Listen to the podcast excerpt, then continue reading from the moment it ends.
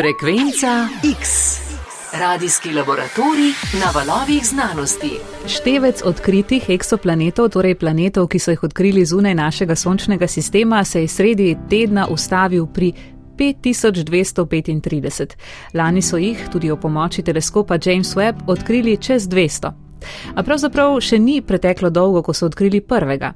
Leta 1995 je to uspelo tedaj še ne 30-letnemu doktorskemu študentu, švicarju Didjeju Keloju, ki je 24 let zatem za to dobil Nobelovo nagrado. Hello, Pred časom je na prosto petkovo popovdne, ko ga je po napornem tednu zunaj čakalo le še popravilo domače vrtne ograje, našel čas tudi za intervju za Val 202. Um, my name is Didier Kolo, I'm right now I'm in Cambridge and I'm having an interview with Maya Rade najprej o začetkih in neverjetnih 90-ih. Well, the, the program, yes, v tistem času smo se ukvarjali z razvojem orodij za odkrivanje eksoplanetov.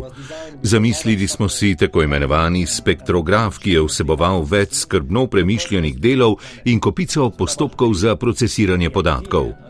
Cilj mojega doktorskega študija je bil to napravo pripraviti za praktično uporabo that a big planet, which are the one that we know we could detect, would take years to be detected. Na tarči so imeli predvsem velike planete. V tistih časih so si bili v znanosti enotni, da bo že za odkritje večjih eksoplanetov potrebnih več deset let. To mnenje je izhajalo iz dejstva, da sta v našem sistemu Jupiter in Saturn zelo oddaljena od Sonca in potrebujeta za obhod več let. To so predvidevali tudi za oddaljena osončja, niso povedali, da so tam zunaj precej drugačni in predvsem opazneje bolj drveči velikani, ki so le čakali na to, da jih kdo s pogledom prestreže. And um, I started the program, and my PhD supervisor told me, Well, Didier, you should start the program, but you're not going to find anything. Ko sem začel raziskovati, mi je mentor Mišel Major dejal, da podpira moje delo, a da naj se zavedam, da ne bom ničesar odkril. Sam pa sem želel pustiti pečat na tem področju. In ravno ko si je on vzel odmor oziroma tako imenovano sobotno leto, sem v ozvezdju Pegas zasledil zvezdo 51 Pegazi, oddaljeno več kot 50 svetlobnih let od nas. Dnevno sem spremljal njeno hitrost in pričakoval približno enake vrednosti. And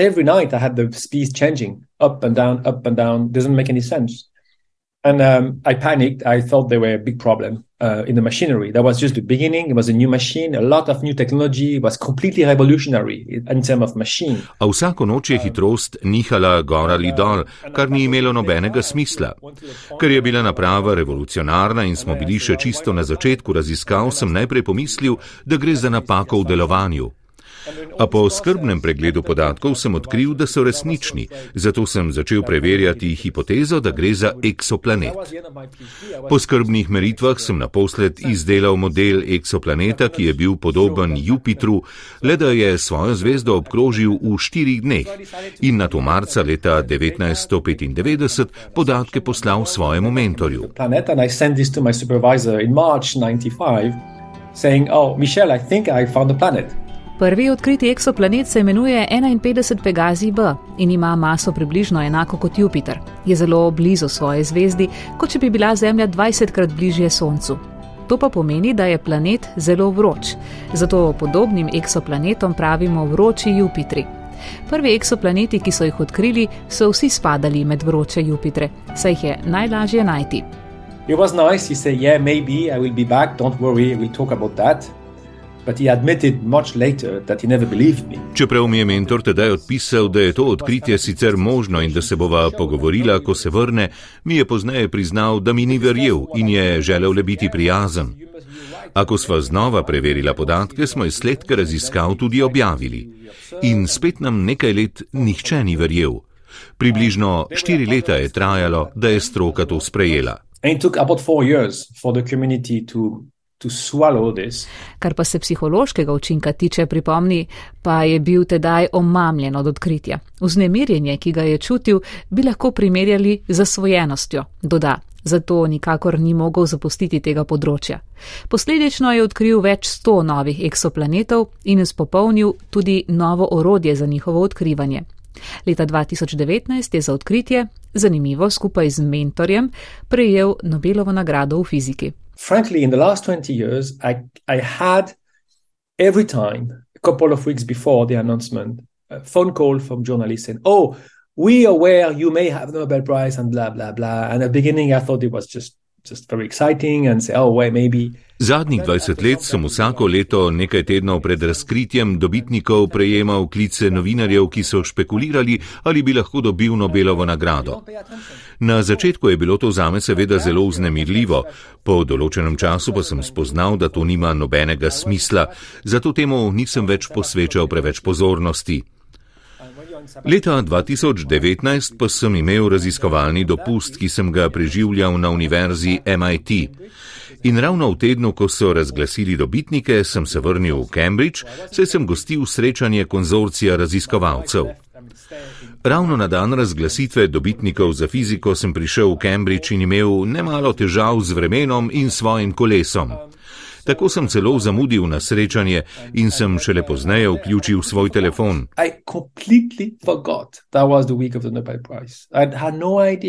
No Kmalo potem sem prejel klic iz službe univerze za stike z javnostjo, a nisem razumel, zakaj me kličejo. Profesor, are you aware you got the Nobel Prize? And at that time I said, nice joke. yeah.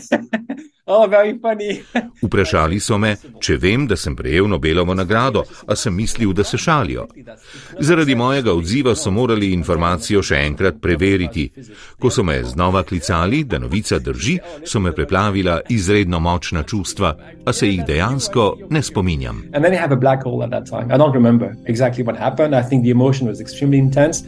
Pogovor o eksoplanetih sabo vedno prinese tudi vprašanje možnosti življenja na drugih svetovih v vesolju. Za zdaj pravega kandidata, ki bi bil tam zunaj robov našega osončja in za nameček podoben Zemlji, še niso našli.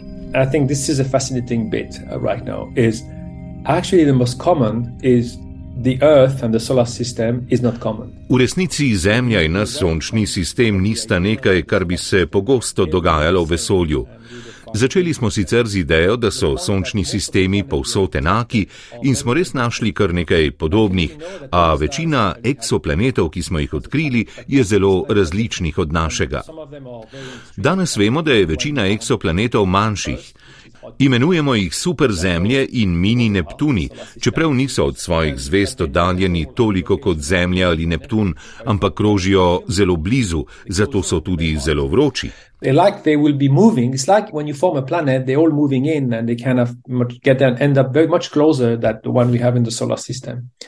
So essentially, all the planets we have detected um, um, out of the 5,000, they are within the orbit of Mercury or Mercury. So they're all very, very close, extremely close. Izgleda, kot da bi se pri rojstvu planetov ti pomikali proti svoji zvezdi in ko se utirijo, končajo precej bližje kot v našem sistemu. Vsi eksoplaneti, ki smo jih odkrili do zdaj, so približno v orbiti, kot jo ima v našem sončnem sistemu planet Merkur. Drži pa tudi, da je tehnika, ki jo uporabljamo, bolje prilagojena za odkrivanje teh tipov eksoplanetov. Vemo tudi, da ima vsaj polovica zvest planete takšnega tipa. A največje odkritje je bilo, kot sem že omenil, da je večina eksoplanetov različnih od planetov našega sončnega sistema.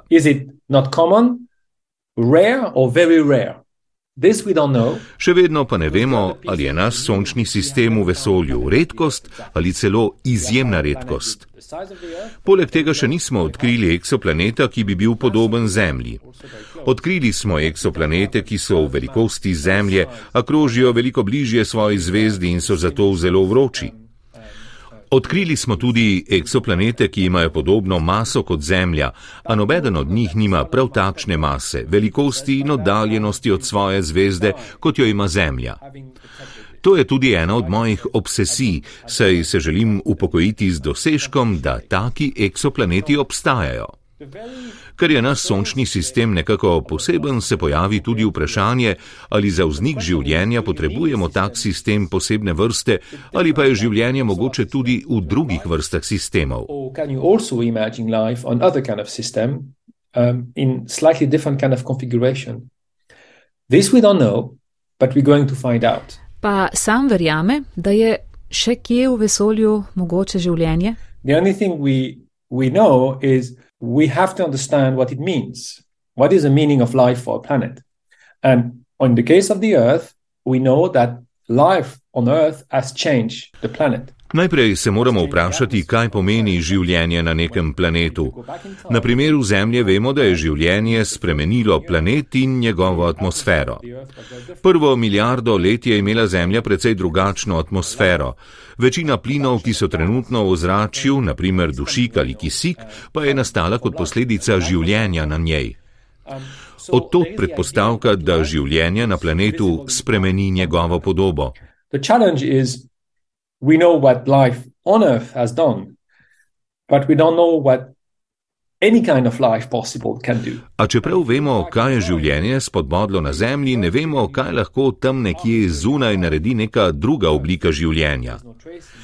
Ideja je torej, da si ogledamo nekaj sto zemlji podobnih eksoplanetov, ki jih bomo odkrili in kartirali v prihodnje, preučimo njihovo atmosfero in poskušamo razumeti, ali lahko iz tega sklepamo na življenje na njih. Iščemo lahko naprimer znake vode, kisika in drugih plinov ali pa sledove bolj naprednega življenja, kot smo ljudje, ki smo korenito spremenili naš planet. Iščemo lahko tudi znake konca življenja, saj lahko v civilizacije pokonča naprimer jedrska vojna. Vse to bomo lahko raziskali, če se le ne bomo predtem sami uničili.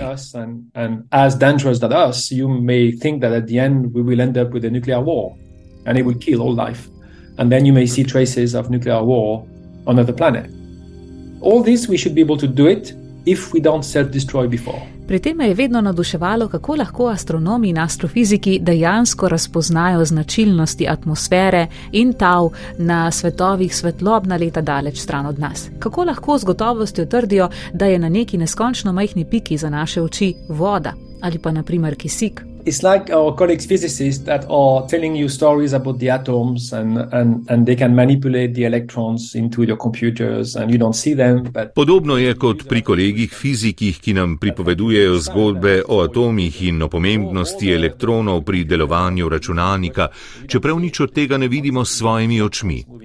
Uporabljamo napravo, ki ulovi svetlobo v trenutku, ko se planet nahaja tik pred svojo zvezdo. Takrat se del svetlobe, ki jo izseva atmosfera eksoplaneta, prekriža s svetlobo zvezde. Pri tem spremljamo različne valovne dolžine svetlobe, ki nam lahko več povedo o sestavi eksoplaneta. Lahko pa tudi preučujemo odbito svetlobo od eksoplaneta in čeprav planeta ne vidimo, s tem izvemo, kakšno je njegovo površje, če je naprimer na njem voda ali če je sestavljeno iz kamnin. Ugotovimo lahko celo, iz katerih vrst kamnin je sestavljeno površje. Za vse to pa potrebujemo veliko izračunov, uporabo različnih matematičnih postopkov in ustrezne aparature. You can find out um, what could be the surface of the planet, whether it's full of water or whether it's full of rocks, and even what kind of rocks uh, we have.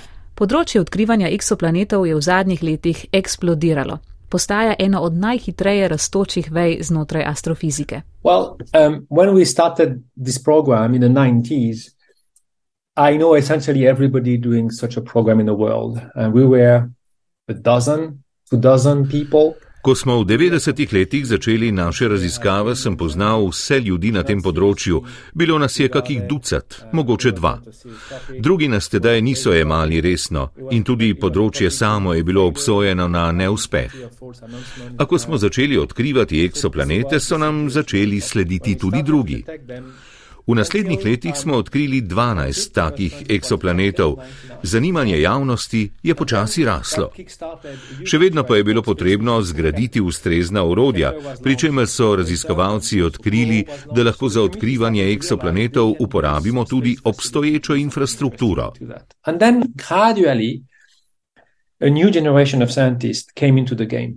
What you have to understand is that scientists really change topic. Počasi je na področje vstopala tudi nova generacija znanstvenikov.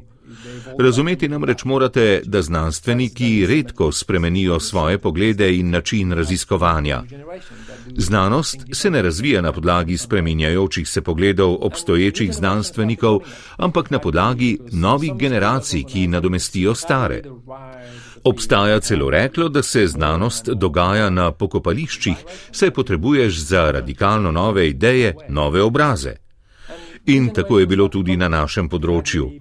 Kozmologija je danes eno od največjih področji v astrofiziki, na katerem dela več tisoč ljudi. Vpliva na nove vesoljske misije in izdelavo novih orodij za iskanje eksoplanetov. Področje še raste, saj raziskujemo probleme nastanka življenja, pri tem pa sodelujemo tudi z drugimi vedami, kot sta biologija in kemija. Lahko da bo vprašanje razvoja življenja v vesolju postala celo svoja veda, ki bo večja od astrofizike. The question of life in the universe connected to planet that will be even bigger than astrophysics. Um, and we're working for that. Uh, with a big community. So this is what has happened.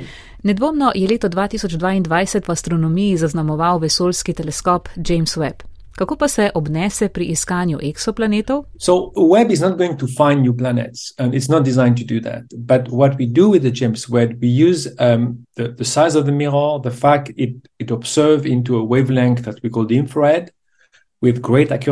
Teleskop James Webb ni bil zasnovan za iskanje novih planetov, a ga lahko zaradi velikosti njegovega zrcala in sposobnosti natančne zaznave infrardeče svetlobe uporabimo tudi za to.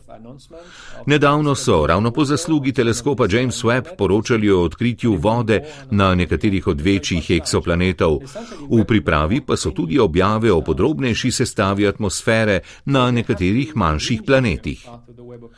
Zanimivo pri teleskopu James Webb je, da je bil prvotno zasnovan za globoko kozmologijo, torej za zaznavanje prastarih zvest, ki so nastale na samem začetku vesolja a so med njegovo izgradnjo spoznali, da bi lahko nudil pomoč tudi pri odkrivanju eksoplanetov in trenutno približno četrtino svojega časa nameni za to.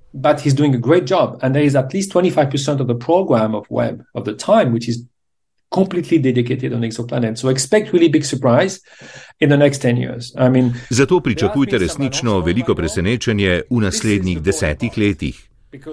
Razmišljamo pa tudi že o tem, kar bo sledilo. Skupnost želi razviti vesoljski teleskop, namenjen specifično raziskovanju eksoplanetov. Teleskop James Webb so začeli snovati v obdobju, ko je bil izstreljen teleskop Hubble, za izdelavo pa so potrebovali 30 let.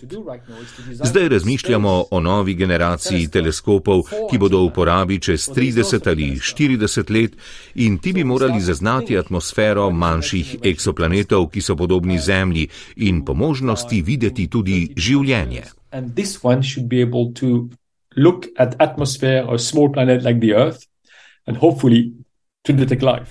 Pri tem ga pobaram, kateri je med vsemi več kot 5000 njegov najljubši eksoplanet. Oh, it's a very common question. My answer is always the same. It's the next one that I will discover. To me pogosto vprašajo in moj odgovor je vedno enak. Naslednji eksoplanet, ki ga bom odkril, zato ker odkritje nečesa novega vedno povzroči navdušenje. To je značilnost znanstvenega dela, sej nismo nikoli zadovoljni z obstoječim stanjem, ampak nas vodi radovednost po odkrivanju novega.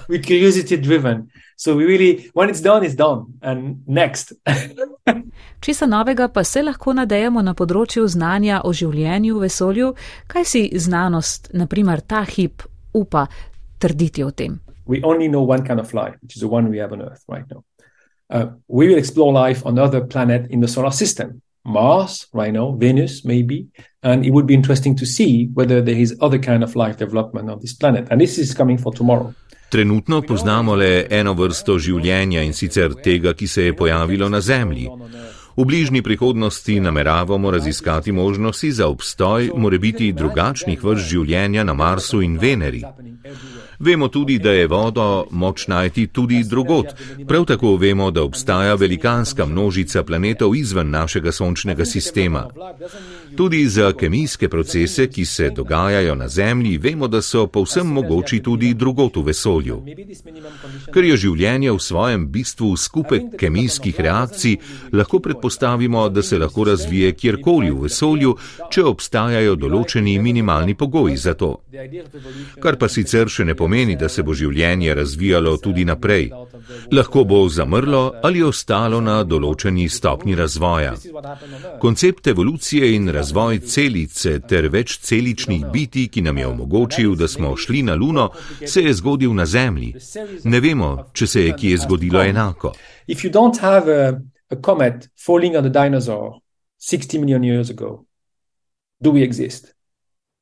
Because we were rats, small tiny rats at that time, and we developed uh, the marsupials, and then we, we become what we become. Dodatno kompleksnost unesejo še dogodki, ki so se zgodili v preteklosti. Bi se človeštvo sploh razvilo, če naprimer na Zemljo v obdobju dinozaurov pred 60 milijoni let ne bi padel komet? Takrat smo bili na razvojni stopni podgan in gledajte, kaj smo postali. O tem se sicer lahko razpravlja, a znanost si želi jasna dejstva in dokaze. In to nam bo uspelo v tem stoletju. This century, if we still alive and survive this invention that we made last time, will understand life and will will be making life. And maybe we can make life that will be perfectly fitted for, for Mars. Mars, kind of v prejšnjem stoletju smo spoznali zgradbo materije in odkrili termonuklearno bombo. V tem stoletju, če bomo preživeli, pa bomo razumeli življenje in ga znali mogoče celo ustvariti. Lahko da bomo iznašli življenje, ki se bo lahko razvijalo na Marsu.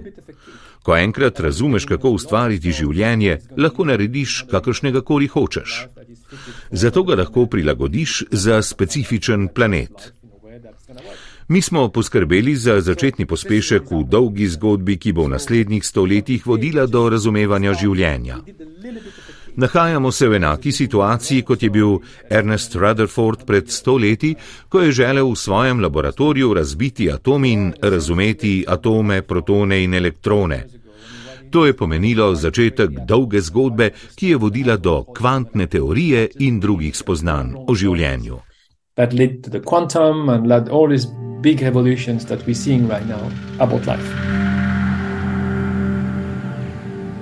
Teme, s katerimi se ukvarja sogovornik Didje Kelo, so enako vznemirljive kot naprimer kultne knjige Douglasa Adamsa.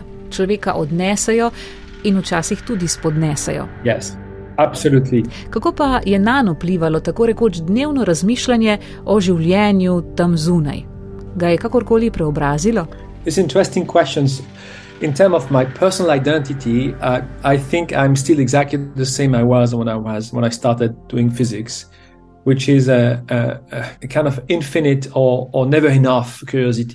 Zanimivo vprašanje.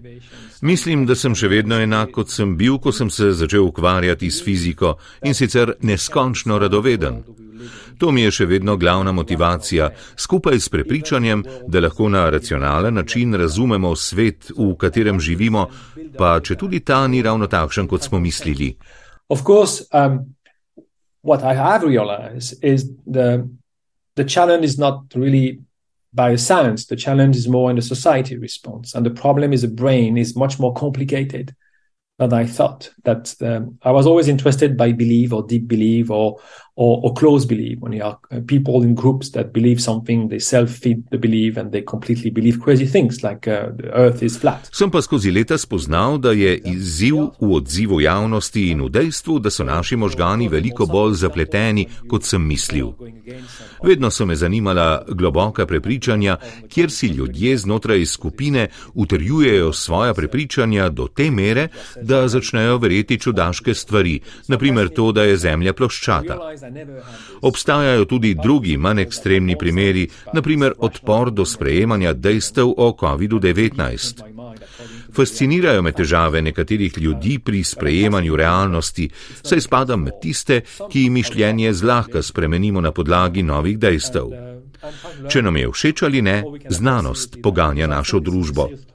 Sporočilo, ki ga želim dati ljudem, je, da je vse, kar počnejo, mogoče zaradi razumevanja elektromagnetizma, kvantne mehanike in ostalih področji fizike in kemije.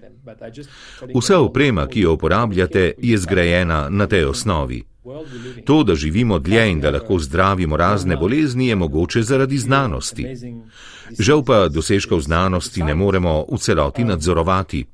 So we don't really control entirely this, and no science becomes so powerful because we can we can control everything. I mean, with a, some country are using it in a very efficient way.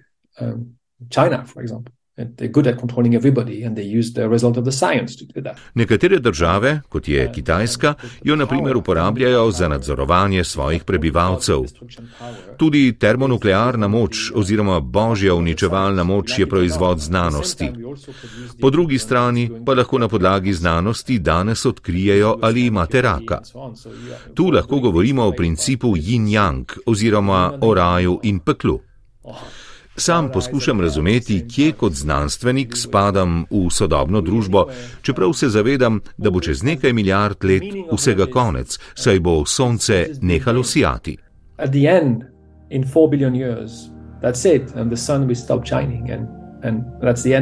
In many, many billion years, there will be no any more sun into the universe. The universe will be boring, full of black hole and neutron stars. So, what is the meaning of that? And I think the meaning is just um, Čez milijarde let v vesolju ne bo več sonc, ampak le še črne luknje in nevtronske zvezde. Kaj je torej smisel vsega? Mislim, da v tem, da živimo skupaj in smo dobronamerni. Zato uživajte v svojem življenju, bodite prijazni do vseh in zgradite svoje družbeno omrežje najbolje kot znate. Drugače življenje ne bo imelo smisla, saj na koncu koncev res nima smisla. So, be nice, that's the only good reason to be living. There's no other meaning. Don't try to be wealthy, just be nice. Čez milijon let se vas ne bo več nihče spominjal. Zato bodite prijazni. To je edini dober razlog, da živite. Ne trudite se biti bogati, bodite le prijazni.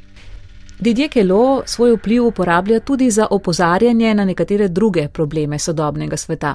Med drugim je izrazito proti konstelaciji satelitov Starlink na nebu in predvsem načinu, kako nam ta ugrablja nočno nebo. Starlink je zelo globalni problem. Um, It's not the fact you have satellite in orbit. I'm a great fan of satellite, and satellite is a gift for humankind because we're using this. Starlink predstavlja globalni problem. Težava ni v tem, da imamo v orbiti satelite. Sateliti so darilo človeštvu, saj jih lahko uporabljamo za reševanje ljudi, za spremljanje vremena in tako naprej. Težava je v pomankanju regulacije v vesolju. Nihče ničesar ne nadzoruje. Zasebne družbe ponavadi zasledujejo le dobiček in Starlink je eden od takih primerov. And, and Starlink was one of the example. Um, I mean, Elon Musk is, is a maverick. Is really a maverick guy. and we see with Twitter right now, it's, he breaks everything. I mean, he doesn't care. I mean, he has his vision and he's enforcing his vision into it. Elon Musk je nepredvidljiv. Ima svojo vizijo, ki jo poskuša uveljaviti, tudi če podre vse pred seboj. Starlink je njegova naprava za generiranje dobička s prodajo telekomunikacijskih storitev, ki jih niti ne potrebujemo, saj obstaja že mnogo drugih rešitev. Vseeno mu je, če bo s tem zastrl nebo z množico satelitov. The sky belongs to humankind, and I think we should discuss all together as a humankind what we want to do with the sky. Nebo ne pripada Ilonu Masku, ampak celotnemu človeštvu. Zato mislim, da bi se morali vsi skupaj odločiti, kaj želimo videti na nebu in če sploh še želimo kje na zemlji uživati ob temnem nebu. V primeru Starlinka kompromisa ne bo več. Mislim, da Musk ne bi smel imeti privilegija odločanja, kaj se bo zgodilo z našim nebom. No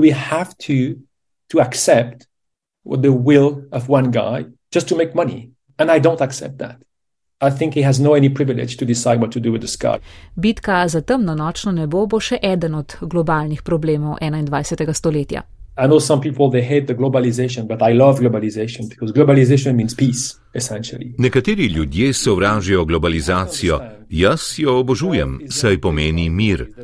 Razumeti moramo, da je Zemlja edino prebivališče za človeštvo. Koncepti držav so le ostanki preteklosti. Slejko prej se bo vse pretopilo v oblike, kakršna je naprimer Evropska unija, čeprav vse skozi potekajo tudi izjeme v obratno smer, kot je Brexit ali situacija glede statusa Švice. A ideja, da vsi živimo skupaj in si delimo vire, predstavlja nekaj najbolj običajnega. Problema globalnega segrevanja ne more rešiti nobena država sama zase. Zemlja predstavlja skupen vir dobrin, ki ga moramo uporabljati globalno. Zato imamo vso potrebno tehnologijo, potrebujemo le še glavo na pravem mestu. Problem pa je v tem, da smo evolucijsko še vedno vrsta, ki živi in deluje v okviru svojega plemena, ki se stoji iz približno 20 oseb. Zato nam razmišljanje o potrebah desetih milijard ljudi še vedno predstavlja takšen izziv, a to je edini način. And uh, the problem is, we are a species built and survive and evolve on the basis of living in a tribe and with only 20 people, essentially. So it's quite of a challenge to operate at the level when we have to think together at the level of 10 billion. But that's the only way. Pri Didjeju Keloju je očitno, da ne mara Ilona Maska in to ne le zaradi konstelacije Starlink, ampak tudi zaradi njegovih vehementnih trditev, da nas bo rešiteljsko popeljal na Mars. Well, I think I think the guy is crazy, and I think we see it with Twitter. The guy is just crazy. Um, he has no idea what he's talking about. Um, if you can control one degree on the Earth, could you make life alive? You can't. I mean, realize we cannot leave Earth. As soon as you go more than five to six kilometers above the Earth, what you have is death. Mislim, da lahko tudi iz objav na Twitterju sklepamo, da je Elon Musk malo nor in da ne ve, o čem govori. Če ne zmoremo nadzorovati spremembe ene stopinje Celzija v ozračju na Zemlji, ali bi potem lahko ustvarili pogoje za naše življenje drugje? Takoj, ko se dvignemo pet ali šest km nad Zemljo, preidemo v območje smrti za naš organizem. Enako je na Luni, na Marsu ali kjerkoli drugje v vesolju. Nismo narejeni za to, da bi zapustili Zemljo, saj smo posledica evolucije na njej. Za nas ni drugega življenskega prostora. Seveda lahko pošljemo robote ali kakšne druge organizme na Mars, a sami tam ne bomo preživeli. Živimo lahko tudi v podmornicah oziroma vesolskih postajah, kot je Mednarodna vesolska postaja, a to ni življenje, ampak prebivanje v podmornici. So I uh, would be happy to listen to, to, uh, to Elon, but first he has to stay 10 years in the submarine. Tako da bom z veseljem poslušal na svete Ilona Maska, a najprej mora deset let preživeti v podmornici. Torej, ni upanja, da bi lahko kadarkoli v prihodnosti živeli še kje druge v vesolju? Yes, but not us. We cannot survive this. Človek sam ne more preživeti potovanja v vesolje. Že zaradi visokoenergijskih delcev, ki bi leteli skozi nas, bi hitro umrli zaradi raka. Biti moramo ali zelo zaščiteni, ali pa moramo zgraditi novo vrsto. Škorpioni, recimo, so zelo vzdržljivi. Mogoče lahko križamo škorpiona s človekom in razvijamo novo vrsto škorpionskega človeka, ki bi ga potem poslali na Mars in upali, da se razvije nova civilizacija. A kljub temu bo čez 4 milijarde let rezultat enak, saj sončnega sistema ne bo več. Potrebno bo torej obiskati druge eksoplanete, a bo potovanje do njih trajalo milijone let. Mogoče nam bo dotedaj uspel prenos možganov in zavesti nadaljavo in če k temu dodamo še zmožnost kreiranja življenja in moč uničevanja, bomo v bistvu postali Bog.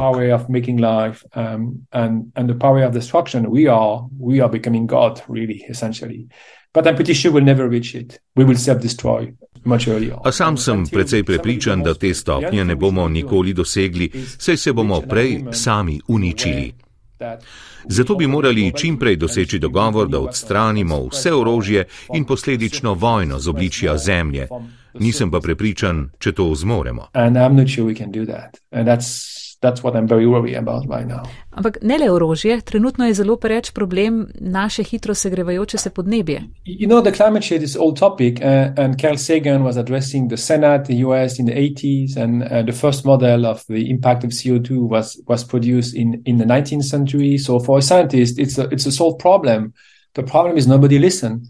because the greed Pri podnebnih spremembah gre v bistvu za staro tematiko. Karl Sagan je o tej temi že v 80-ih letih prejšnjega stoletja nagovarjal ameriški senat.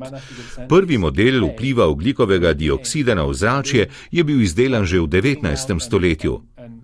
Za znanstvenike je to star problem, a jih vse doslej nihče ni poslušal, vsi so bili preveč zatopljeni v pohlep. Pri tem nosi velik delež krivde industrija, ki si je izmišljevala laži in prirejala rezultate, hkrati pa znanstvenikom plačevala za objavo študij, ki so oglikovemu dioksidu lažno oduzemale krivdo za segrevanje ozračja. Trenutno je precej očitno, da smo povzročitelji mi sami, a ljudem še vedno ni jasno, kakšne bodo posledice. Živimo v globalnem svetu. Kar se zgodi pri nas, lahko pusti posledice tudi na drugem koncu sveta. In to je bilo najbolj očitno ob izbruhu epidemije COVID-19. Globalno segrevanje se torej dogaja, gladina oceanov se dviguje, ljudje se bodo vse bolj preseljevali in verjetnost oboroženih spopadov se bo s tem le še povečala. So global warming is not a scientific problem, it's a policy problem, it's an economy problem. Uh, we have not really properly costed what was the cost. Osebno me najbolj skrbi vpliv, ki ga bo imelo segrevanje na celotno družbo. Tu ne gre za znanstveni problem, ampak za politične in ekonomske posledice. Zato moramo prenehati govoriti o tehnologiji, začnimo raje razmišljati o stroških. Morda nas bo ta argument bolj prepričal kot vrtoglavi grafi. Koliko nas bo stalo povečanje števila ciklonov, zvišanje morske gladine, povečanje plimovanja in tako naprej. Mislim, da lahko govorimo o trilijonih dolarjev. Naslavljanje problema oglikovega dioksida je veliko težje od tistega, ki je zadeval ozonski plašč. The of CO2 is way more complicated because CO2 is really part of the functioning of the energy, uh, and we don't transition to new energy like that. But we shall, I think. Težava s CO2 je kompleksnejša, saj predstavlja inherenten del energijo, ki jo uporabljamo trenutno. Nekoč bomo prešli na novo obliko energije in takrat bomo v trenutne čase pogledovali podobno zgroženo, kot zdaj pogledujemo v čase, ko so množično uporabljali premog. Premikamo se v novo obliko družbe, v kateri bo postala uporaba premoga in nafte prepovedana. To moramo s pomočjo raziskav in vlaganj podpreti še bolj zauzeto. Are we going to do it quick enough Izziv pa je, ali bomo vse to dosegli, preden sami sebe uničimo zaradi družbenih nemirov, ki bodo nastali z izgubo premoženja in množičnimi migracijami. Ko se bo dvignila gladina oceanov, bomo v nekaterih delih sveta videli več in več problemov. Morda se bodo stvari vendarle spremenile, ko bo pod vodo New York. When New York will be underwater, maybe things will change. Naš sogovornik ima sicer tudi druge plati, ko ne raziskuje in išče eksoplanetov. Zelo zgoščeno in precej bolj redko besedno mi je potrdil, da je bil nekoč pilot in da mora obnoviti licenco. Sprošča ga kuhanje, po zimi pa še vedno rad pobegne na vse redkejše zasnežene smučine. Nekoč je bil inštruktor smučanja, danes pa to počne predvsem le še za lasten užitek. Yes, you have a very good ski, that's right. A lot of famous champion. I remember the Slovenian in the, in the World Cup. They're pretty good. I remember that. Yes, true. Da, da, spominjam se, da ste Slovenci zelo dobri v smučanju. Ko sem bil mlajši, sem bil učitelj smučanja, zdaj pa nimam več časa spremljati tekem. Slišim sicer o dobrih rezultatih tekmovanj, a to več ne pritegne moje pozornosti. Veliko raje preberem kakšno dobro knjigo ali grem na sprehod. Tudi televizije več ne gledam, saj mi ne prinaša veselja.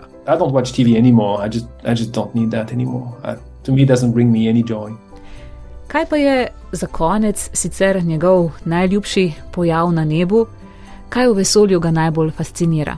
I, I like being outside. I, I like darkness. I, I enjoy it. Rad sem zunaj in rad imam temo. Pogosto me sprašujejo, kakšen teleskop imam. A nimam teleskopa. Zame je najboljše orodje za doživljanje vesolja naše oko. And quite often people tell me, oh, what kind of telescope you had? I never had really a telescope. I did a little bit, but I always thought the best um, instrument to get the connection with the universe, if you're looking for these emotional connections, it's just the eyes. Just be outside and walk outside and listen to the noise of the night. Hkrati pa je treba ob tem tudi poslušati nočne zvoke. Ko sem služil vojaški rok, so nekateri kolegi sovražili nočne vaje, jaz pa sem jih preprosto oboževal.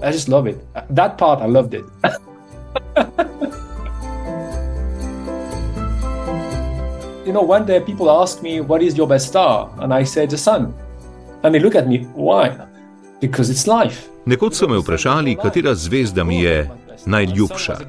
In moj odgovor je bil: Sonce, saj predstavlja življenje. Sonce je simboliziralo Boga v času starega Egipta. Zame je to najbolj očiten Bog. Je prijetno, omogoča rast, oddaja toploto in izredno lepo svetlobo. Da ne omenjamo, kako romantična sta sončni vzhod in zahod. And uh, it's, it's great. I love the sun. Ja, Didier Kelo, moj sogovornik v tokratni frekvenci X, uh, se je na koncu navezal na to, da tisto pristno izkušnjo nočnega opazovanja neba pravzaprav pričarajo nočni zvoki, če jim znamo prisluhniti. In kot nalašč je to lahko dobra istočnica za prihodnjo frekvenco X, prihodnji dve, če sem natančna, v kateri pa bo z vami, nami, Maj Valeri. Maj, o čem točno bo tekla beseda, oziroma kaj bomo poslušali. Uh -huh. uh, Živijo Maja. Ja, večkrat uh, opozorimo na to, da se planet spreminja pred našimi očmi, uh, bolj redko pa pomislimo na to, da se spreminja tudi pred našimi ušesi. Uh, kako zvoke narave ohranjajo uh, v Prirodoslovnem muzeju Slovenije, bomo izvedeli v prvem delu. Uh, v drugem delu te serije pa se bomo odpravili po poteh zvočnih spominov. Uh, nekateri angažirani posamezniki skrbijo za digitalno beleženje zvokov, ki nas obdajajo obstajajo, a je seveda teh preveč, da bi jih uspeli kar vse posneti. Jih pa imamo uh, verjetno vsi. Veliko shranjenih uh, tudi v naših organskih procesnih enotah, uh, zato bomo po navdihu finskega nacionalnega radia uh, tudi poslušalce nagovorili k deljenju opisov zvokov, ki se jih spomnijo, pa jih danes ne morejo slišati več nikjer. Lahko morda za pokušino deliš kakšen zvok z našimi poslušalci, ki ti morda veliko pomeni? Ja, veliko je tistih zvokov, ki jih je kar težko opisati, pa um, veliko jih je povezanih uh, s temi tehnologijami, recimo, ki so šle iz uporabe, ne, od raznih piskov, potem zvok neke, uh, recimo, številčnice pri telefonu. Um, Včasih se mi zdi, da smo morali na kakšno stvar malo dlje počakati in takrat smo počeli uh, nekaj, kar je um, spuščalo in proizvajalo zvoke in v bistvu smo jih uh, v tem vsakodnevnem uh, dogajanju kar nekako preslišali. In zdaj, ko jih več ni, ne, eh, se jih je pa res zanimivo spomniti, pa jih uh, ponovno zavrteti. Na srečo obstajajo celo muzeji izgubljenih in pozabljenih zvokov, ki hranijo prav takšne, uh, večinoma um, s tehniko uh, povezane zvoke, tako da tudi tja se bomo odpravili. Tako, in z enim od takih zvokov, zagotovo se boste spomnili, eh, kaj to je. Eh, vas zdaj le puščamo v pričakovanju frekvence čez teden dni. Maj Valeri, hvala ti in vam poslušalci pa lep pozdrav.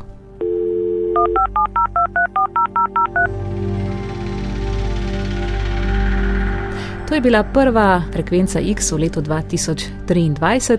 Pogovor z astrofizikom in Nobelovim nagrajencem sem pripravila Maja Ratej. Frekvenca X, radijski laboratorij na valovih znanosti.